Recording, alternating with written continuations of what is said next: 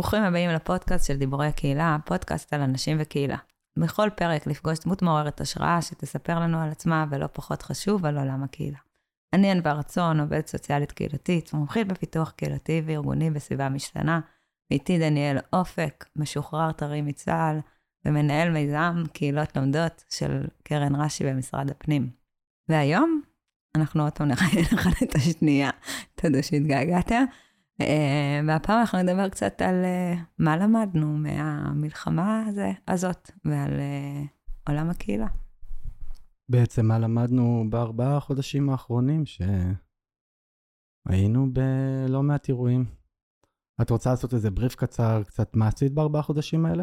אז uh, בארבעה חודשים האחרונים, אני רוצה להגיד שהייתי, אבל אני עדיין בפיקוד העורף, במילואים, קצינת התנהגות אוכלוסייה, uh, בפיקוד ברמלה, אמ, לתא שלי קראנו תא תוכן, אה, שאנחנו בעצם מפתחים את ה, שם את ההדרכה ואת הידע אה, של עולם קציני התנהגות אוכלוסייה, שאלה בעצם קצינים שעובדים עם אוכלוסייה אזרחית. אמ, אז בתחילת הלחימה ככה נסענו לקהילות המפונים, וקהילות שנפגשו אה, עם הטבח, או לחלופין מהצפון, וראיינו אותם, ופיתחנו בעצם כלים אמ, והבאנו הרצאות בנושאים ש... ש... של איך לעבוד עם, עם קהילות בתוך מלונות. זהו, חוץ מזה, אני עובדת גם, לא ישנה. בפעילות יתר, ופגשת המון קהילות, נכון? גם קהילות מפונים, גם קהילות אה, אה, מארחות שפונה אליהם, וגם בכללי, נראה לי לא מעט אה, קהילות, ויצא לנו לדבר על זה הרבה.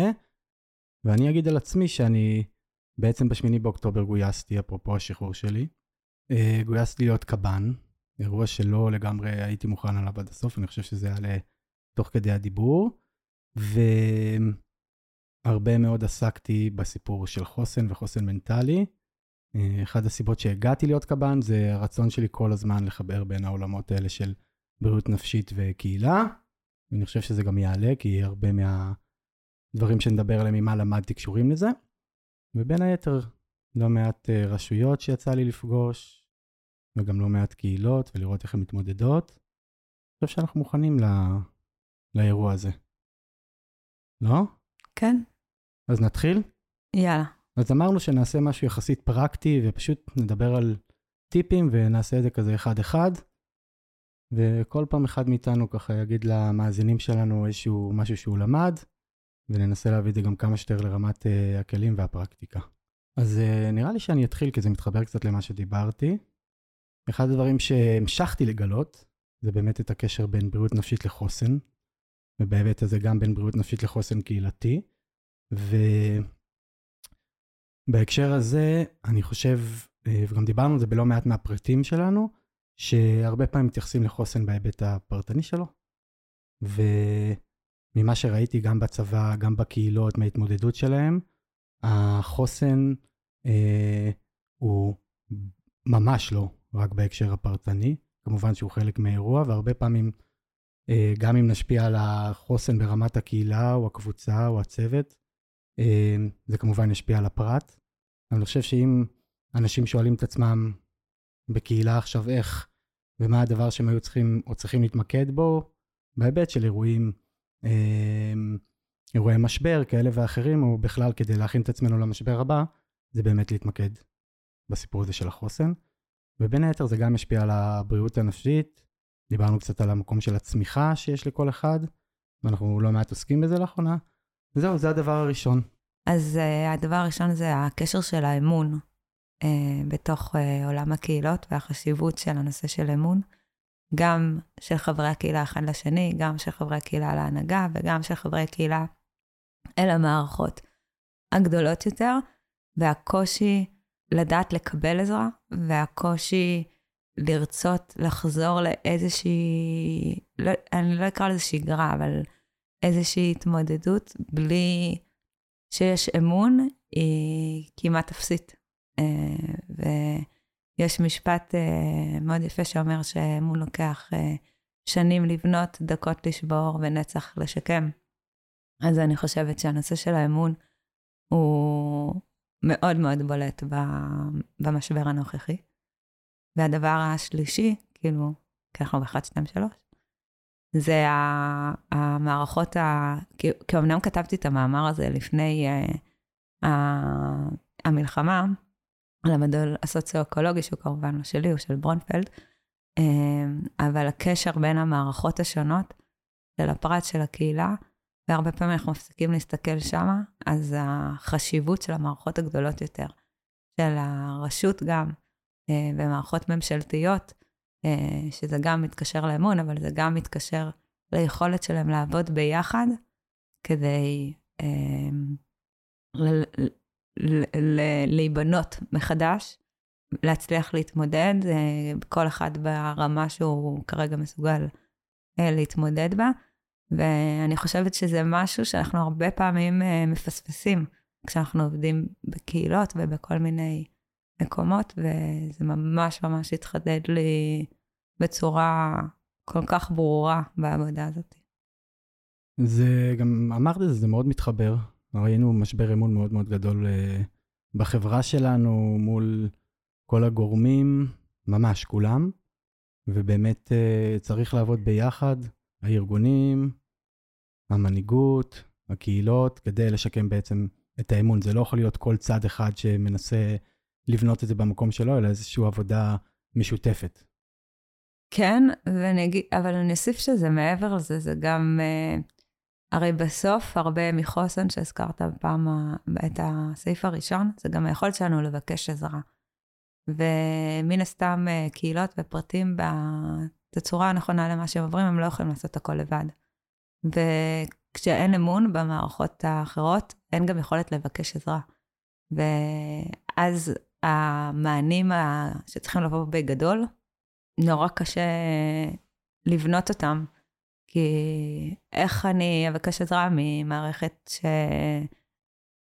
שאכזבה אותי, או שאני לא מאמין בה, או שהיא בעצמה במשבר, כן? כאילו, בוא נגיד שגם כשאני אומרת את זה, זה לא...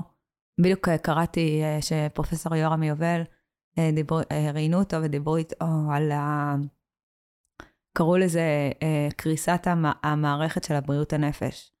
והוא תיקן איתם, ש, אותם שזה לא קריסה, זה עומס. אז אני חושבת שכל, מהמערכות הפורמליות היום הן בעומס כל כך גדול, שגם אם רוצות לשקם את האמון, זה נורא נורא קשה. כאילו, אין מספיק כוח אדם, וקשה לגייס, וגם אם יש את התקנים, לא תמיד מוצאים איך אה, לאייש אותם, ו...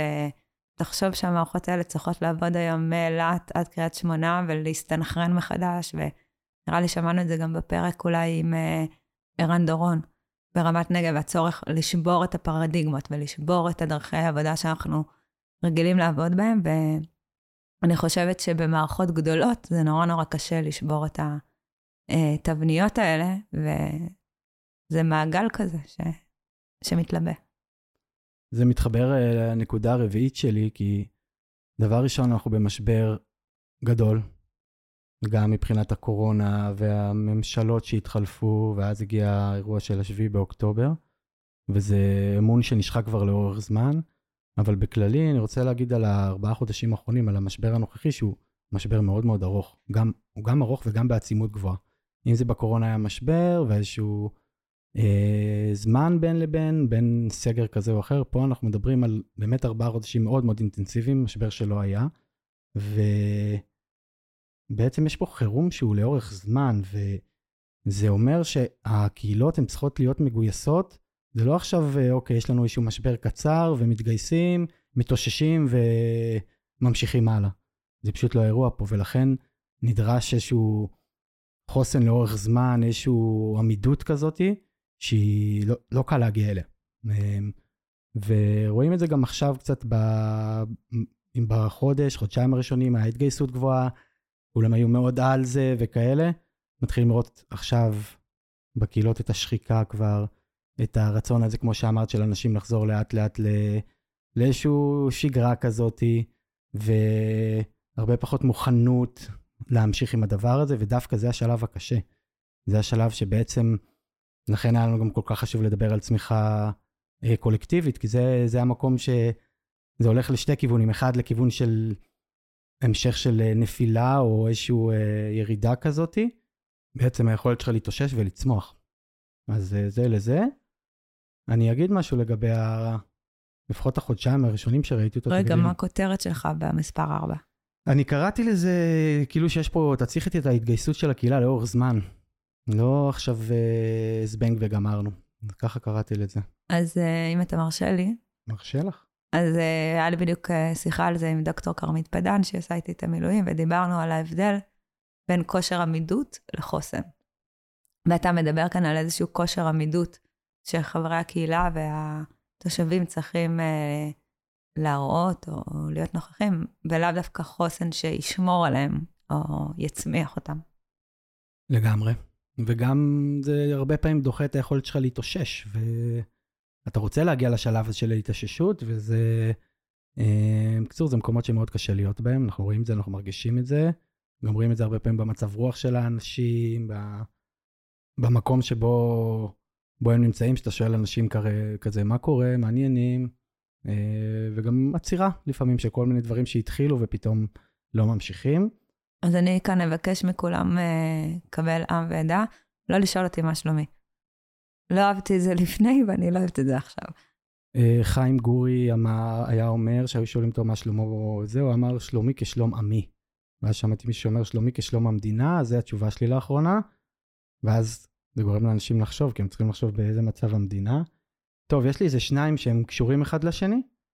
אחד, ראיתי את זה בחודשיים הראשונים, שבעצם היה עשיית יתר. את שמת לב לזה, ענווה?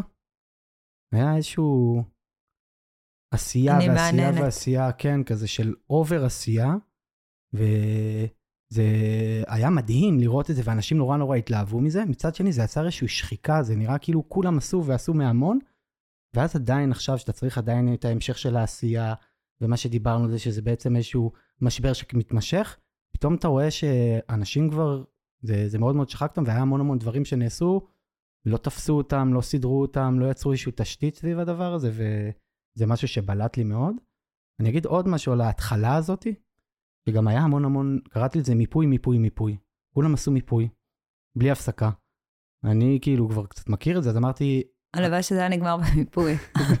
לא, סליחה, זה פשוט נגמר במיפוי. זה נגמר, נכון, כן. כי כולם רק עסוקים במיפוי כל הזמן. ואף אחד לא הביא את המענה. ואף אחד לא בכלל עוסק במענים, או הרבה פעמים בצרכים, וזה כל הזמן כזה נתונים ונתונים נתונים, ואני כזה, רגע, הנתון שרלוונטי לשבוע הזה הוא לא רלוונטי לשבוע הבא, אז אתה רק עסוק בדבר הזה, וזה היה נראה כאילו כולם כזה, וזה גם ראינו את זה בקורונה, כזה רק מתעסקים במיפוי, ואני כזה באיזשהו שלב אמרתי להם, אנחנו נעשה דברים היה עם הצוות שלי נגיד, שפגשתי אותם, אמרתי, אנחנו הולכים לעשות דברים. אבל אנחנו לא הולכים להתעסק במיפוי, זה לא כזה משנה כרגע, והנתונים האלה שהם, אה, אם יהיו לנו רלוונטיים, נאסוף אותם אחר כך, אבל כרגע הדבר החשוב הוא לעשות, לעשות עבורנו. דבר ראשון עבור הצוות, עבור הבן אדם, לשמור על העשייה הזאת, על הרציפות, וכמובן לשמור על הרציפות הזאת גם עבור הקהילות שלנו, שהם צריכים את זה, הם צריכים את המישהו הזה, שכמו שאת תמיד אומרת, שיבוא מבחוץ ויעזור להם לצאת מה... התקיעות הזאת, אז אה, זה המקום הזה. אז זה שניים, זה גם שחיקה של ההתנדבות ושל העשייה מ over עשייה, וגם הסיפור של המיפוי מיפוי. זה היה מאוד בהתחלה, אני לא יודע להגיד אם זה עדיין, תגידי, תגידי את. מה שרציתי להגיד על החלק הראשון של ה over עשייה, אני חושבת שחלק מה over עשייה זה דווקא בגלל שזו חוויה קולקטיבית שכולנו הרגשנו בה חסרי אונים, אז uh, חלק מהרצון לעשייה היה גם חזר, חלק מה... הרצון שלנו להחזיר את השליטה שלנו, או, או להרגיש משמעותיים, או להרגיש שאנחנו איכשהו תורמים לתוך הסיטואציה הזאת, ואז צריך לחזור uh, לחיים ולחזור לעבודה, וקצת העוררות uh, יורדת, ו, ודווקא בגלל שזה כל כך ארוך וצריך uh, כושר עמידות, אז uh, חוזרים גם לאיזושהי שגרה. Uh, אני חושבת שעדיין יש עשייה. Uh, ו- ויש לצידה גם שחיקה. אמ, ו- ולפעמים בא לי להגיד לאנשי מקצוע מדהימים שאני פוגשת שעובדים אה, ימים כלילות, גם מהמערכות הפורמליות וגם מארגוני מגזר שלישי, זה המקום של החמלה העצמית שלהם. אמ, והיכולת שלהם גם לסיים עבודה באיזושהי שעה סבירה, ולא לסיים אותה ב-11-12 בלילה כל יום, כבר ארבעה חודשים. והמקום של החמלה, שבאמת, הם עושים כל מה שהם יכולים. כאילו, בהתחשב בנתונים הקיימים ובהתחשב ליכולת שלהם, אה, גם אם יש תלונות, וברור שהם מגיעים, כי הצרכים הם כמעט אינסופיים. אה, אנשים אה, צריכים לשקם את החיים שלהם מחדש, הם לא גרים בבתים שלהם הרבה זמן, עברו חוויה שהם צריכו לחיות לצידה כל החיים. אז המקום של החמלה, ו... וגם לראות את זה, וגם לדעת לשקף את זה, כאילו, לא להיות לא במקום מתנצל מצד אחד, ולא במקום מתגונן מצד שני. ולשקף את זה, ו- ולא לפחד להיעזר, כי כמו שאמרנו שלקהילות לפעמים קשה להיעזר, אני חושבת שגם למערכות האלה לפעמים קשה להיעזר, כי קשה להיות במקום פגיע. לגמרי. אז uh, חמלה, אולי אני, אני אוסיף מספר 6. לגמרי. זה גם משהו שאנחנו נדבר איתו עם אה, אח שלי, שמדבר הרבה על הסיפור של חמלה, ולמדתי את זה ממנו סביב כל מיני אירועי משבר שהיו לי.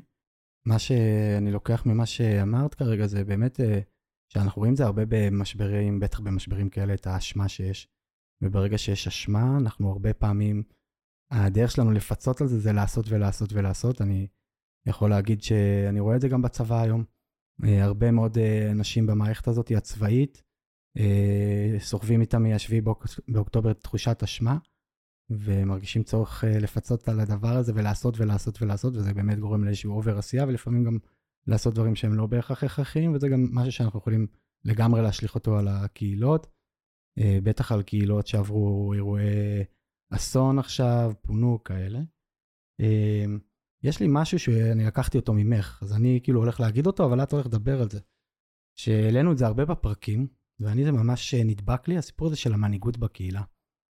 ואני אה, אהבתי את זה שאת אה, אומרת, אנחנו צריכים את המנהיגות עכשיו, והיא לא בהכרח המאפשרת, המשתפת, המנהיגות הזאת שאני ואת תמיד אה, אה, ככה אומרים לכולם, אה, זה מה שחשוב, ככה נראית מנהיגות, אלא יש פה את המקום הזה שמנהיגות צריכה להיות גם אה, לקבל החלטות, להוביל, אה, ו- ולהביא דברים מלמעלה למטה כזה.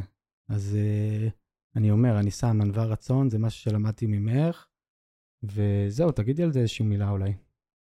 אני לא חושבת שזה שחור ולבן, אני חושבת שפשוט יש תקופות שבהן ההנהגה היא זאת שצריכה להחזיק, אה, להחזיק את המרחב, להחזיק את הכיוון, כי לפעמים האנשים פשוט לא פנויים לזה. אה, אבל זה לא אומר שלא צריך להתנהג בשקיפות, זה לא אומר שלא צריך להציע לאנשים להשתתף, אבל גם לקחת בחשבון שכנראה אנשים לא תמיד ירצו, מצד אחד. מצד שני, דווקא בשבועות האחרונים אני כן רואה התעוררות מחודשת של הקהילה אה, והרצון שלה להשתתף, אבל אני כן חושבת שזה נורא תלוי באיך אנחנו קוראים לאנשים להשתתף ועל מה. כלומר, אם נרצה עוד הפעם לדבר איתם על uh, הכאן ועכשיו ועל הפינוי ואיך uh, עובדים, עם, אני רואה את זה כל הזמן, עם קהילה מפוזרת ואנשים לא יבואו. זה, זה לא נושאים שקל בתצורה הנוכחית לעסוק בהם, אבל אם נדבר על חלום ואיך אנחנו חוזרים הביתה, ו... ועל המקום אה, שהזכרנו כאן לא מעט בהקשר של הצמיחה, המקום של התקווה, שבסוף בפועל, כאילו, זה יכול להיות אותו דבר, כאילו נעסוק בסוף כתוכן באותו הדבר, אז אנשים יותר אה, יבואו ו... ויסייעו לנו. וכן, ההנהגה צריכה לקחת בחשבון ש... ההשתתפותיות של פעם, יכול להיות שהיא לא תהיה שם. יכול להיות שהיא תהיה שם, אבל גם יכול להיות שהיא לא תהיה שם, ו- ולא לפחד לקחת את המקום הזה. אז המנהיגות זה כבר היה הטיפ השמיני שלנו, ואת הוספת עוד משהו, את התשיעי. האמת שחשבתי שנדבר עליו בסוף, כי זה מתחבר לפרקים שלנו בהמשך, על הסיפור של, של באמת הצמיחה הקולקטיבית והצמיחה מתוך משבר, וזה משהו ששנינו זיהינו, ולכן עשינו על זה גם פרק. ואני חושב שזה גם איזשהו משהו חשוב שאמרת את זה, לחלום ביחד, להניח איזשהו חזון משותף, אמ, דווקא עכשיו לייצר את זה. אה, לראות בזה איזושהי הזדמנות לייצר את הדברים האלה, גם שינוי, בפרק על צמיחה דיברנו על שינוי, שרואה את ה... בעצם גם את העבר, לא מתעלם ממנו איזשהו משהו כזה שהוא אה, יד ביד. אמ, וזהו, יש, יהיה לנו פרקים על צמיחה קולקטיבית, ואנחנו הולכים להתמקד בזה כי זה אולי חלק מהפתרון. דיברנו על נרטיב מטיב בהקשר הזה, אז אה, לא נרחיב על זה, אבל נגיד שזה אולי הטיפ התשיעי אה, לאנשים, תנסו להתמקד כמה שיותר במקומות של הצמיחה ולראות אה, את ההזדמנות שיש מהמשבר. זה לא פשוט במשבר כזה, אין לי ספק, אבל לגמרי זה אפשרי. אפשר אה, אפילו לדבר על אולי הצלחות קטנות ודברים קטנים שאנחנו יכולים לראות ולזהות, ובאמת גם לשקף אותם לקהילה כאלה. אה, בא לי שהדבר העשירי יהיה טיפ, ולא מה למדנו. אה, והטיפ שלי זה תתעדו. אנחנו חלק מהיסטוריה שמתרחשת, ויש לנו הזדמנות ללמוד ממנה, והתיעוד הזה הוא גם יכול לתת לקהילה יכולת להתבוננות רטרוספקטיבית על התהליך שהם עוברים. אמ, ואני חושבת שזה כל כך חשוב אה, לספר את הסיפור אה, ולהחזיק אותו, כולל את התהליך של הצמיחה, אה, ושיהיה ניתן להסתכל על זה אחר כך בגאווה או, או לא, ו- ו- ולתעד את ההיסטוריה שיהיה לדורות הבאים, מה שנקרא גם. מהמם. אז uh, בא לי כזה שניקח את כל מה שבאמת uh, למדנו. דיברנו עליהם גם לא מעט בפרקים שלנו, נראה לי זה גם איזשהו סיכום שאנחנו קצת עושים ל... לא לעצמנו, לפרק... סגירה מנטלית. בפרקים, איזו סגירה מנטלית שלנו. אה, איזשהו ציר זמן כזה שמתחבר עם הלקחים והדברים ש... שהיו, וגם הרבה מהדברים שלמדנו, כאילו, את יודעת, בסגירות המנטליות שאנחנו עושים עם החיילים, אני כל הזמן אומר להם שיש כזה חלק שאומרים, מה אני לוקח איתי? מה אני רוצה לקחת איתי מהתקופה ומה אני רוצה להשאיר. ואז כל אחד רושם על פתק, ויש כאלה שמקמטים את הפתק הזה של מה אני רוצה להשאיר, וכאילו משאיר, ואני אומר דווקא לא, תשמרו את שתי הפתקים, כי מה אנחנו רוצים להשאיר זה הלמידה שלנו, גם לעתיד. מזה נצמח, במקומות האלה. אני חושב שזה גם איזשהו פרק עם כל הזה, שהוא גם בעצם מדבר על, על הצמיחה ועל הצמיחה שלנו בתוך הדבר הזה, ומה אנחנו רואים כצמיחה של עולם הקהילות, או לפחות מקווים איזשהו wishful thinking כזה שלנו, שאנחנו תמיד. התשובה לכל דבר היא קהילה, אז כאילו לא יהיה קשה לשנות לנו את זה, נראה לי אפילו גם ארבעה חודשים האחרונים לא שינו לנו את זה, אנחנו מאוד מאמינים בזה, וקצת כזה ליקטתי וזה, מה ניתן לעשות, ואני אגיד את זה ואת יכולה להוסיף אחר כך, וזה גם עלה מתוך הדברים האלה. אחד, זה גם באמת מה שאת דיברת עליו, על המקום הזה של לייצר שיח בקהילה, לחשוב על חזון חדש, על המקומות האלה באמת של תהליכים שהם גם ארוכי טווח, את אמרת את זה מאוד יפה באחד הפרקים, איך אנחנו יכולים עכשיו לעשות גם תהליכים קצרי טווח, אבל גם להסתכל על תהליכים ארוכי טווח, אז אני חושב שזה משהו שמאוד מאוד חשוב לעשות. לא להתעלם מזה ולא להתעלם מזה, לא להיות רק ברחוק, למשל כמו בקיבוץ שלי, שהם רק חושבים על ה... איך עכשיו עושים שיוך ואיך עושים דברים נורא נורא גדולים, אבל לא חושבים על הכאן ועכשיו ואיך אפשר ללמוד מהדבר הזה, או מקומות הפוכים שרק נמצאים בכאן ועכשיו ולא חושבים על התהליכים האסטרטגיים הגדולים יותר. אז זה הדבר הראשון. דבר נוסף, זה באמת לנצל את המצב ולבסס תשתיות קהילתיות, לנסות לבסס, זה יכול להיות האנשים שדיברנו על זה לא בפרקים, שדיברנו על מנהיגות, ולקחת אותם ולאסוף אותם וגם שיישארו, וזה יכול להיות גם סביב אירועים שהיו או דברים שהיו, כאילו באמת אה, לייצר את התשתית, וזה גם קשור באמת למקומות האלה של אה, הרבה פעמים במשברים, כולם נורא נזכרים כמה קהילה זה חשוב, נכון? זה כמו כזה, כמה חשוב לי לחיות בטבע בקורונה, אבל אף אחד, את יודעת, אז עברו כמה אנשים בקורונה, אבל אז כולם חזרו לאותו מקום. אז בעצם לזכור את המקום הזה של, אה, של קהילה, גם שזה נגמר, לא, לא לנטוש את זה. אמ, עוד דבר שציינתי זה המקום של לייצר הנהגה חדשה ובלתי פורמלית, גם אמרתי את זה מקודם, זה הזדמנות, אם זה להחליף אנשים מסוימים, אם זה לתת לאנשים שלא נתן להם הזדמנויות לפני. ודבר נוסף זה לעבוד עם עקרונות פעולה ברורים.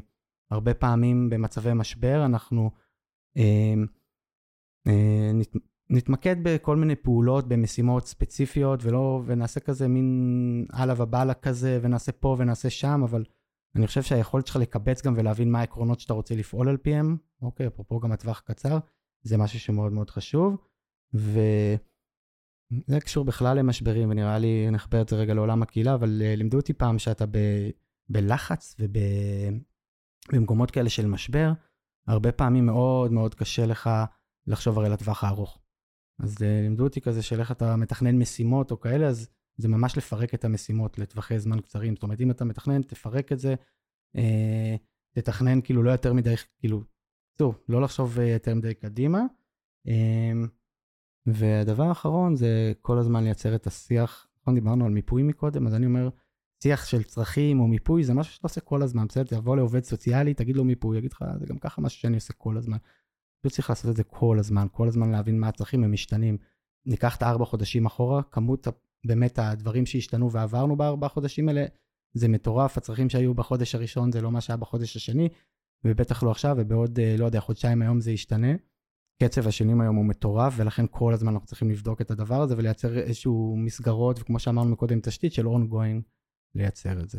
אז זהו, זה הדברים. אז אני אוסיף רק עוד משהו אחד שנורא התחדד לי היום. Uh, היום טלי רז ואני סיימנו את ההכשרה שבנינו על בינוי קהילה ב- לקהילות במשבר, את הקורס, והמפגש האחרון שלנו מדבר על אה, מבנים קהילתיים, שבתוכם אנחנו מכניסים קצת את השיח על הולוקרטיה וסוציוקרטיה, ובהולוקרטיה, אחד העקרונות של הולוקרטיה זה שכולם עובדים בשביל הייעוד ולא בשביל האנשים.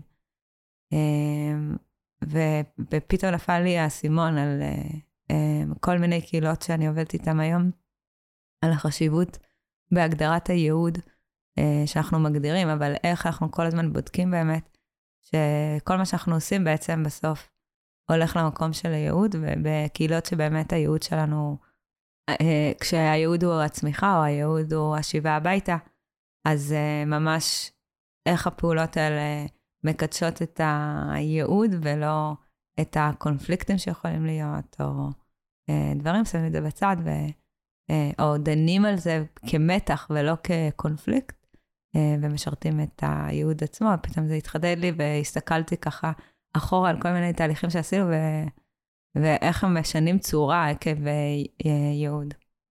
האמת שזה מעניין, נראה לי מצאת לנו נושא לפרק, לדבר רגע על הסיפור של קונפליקטים בקהילה, כי באמת היו הרבה מאוד קונפליקטים ודברים שעלו וצפו, והאם אתה משאיר את זה או לא, אבל זה לפרק הבא או לאחד הפרקים הבאים.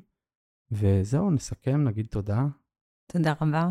תודה לענווה שהתארחת אצלנו. תודה, דניאל, שהזמנת אותי. תודה, דניאל, שגם אתה התארחת אצלך, וזהו, תמשיכו לכתוב לנו מה אתם רוצים. כפי שאתם שמים לב, אנחנו מנסים להתאים את הפרקים כמה שיותר לרוח התקופה, אפרופו, ונורא נורא חשוב לנו לשמוע אתכם ומה אתם רוצים לשמוע ולהאזין לו. והתגובות שלכם כמובן חשובות לנו, ואנחנו עדיין בטלגרם, ואנחנו עדיין ביוטיוב, עדיין בספוטיפיי, בכל הפלטפורמות שאתם מכירים. תחפשו אותנו שם, יש לנו גם קבוצת וואטסאפ שקטה, שאתם מוזמנים להצטרף אליה, זה מופיע ב... ברקע, איך זה נקרא? בהסבר של הפרק? ב... תיאור הפרק. בתיאור הפרק. ותדרגו אותנו חמישה כוכבים, כי אנחנו על 98, ואני רוצה להגיע ל-100. אנחנו חייבים להגיע ל-100 בשביל ענווה, חבר'ה. זה, אנחנו חייבים לצאת מהמשבר הזה שיש לנו לפחות 100, אה, אה, 105 כוכבים. תודה רבה. ביי ביי.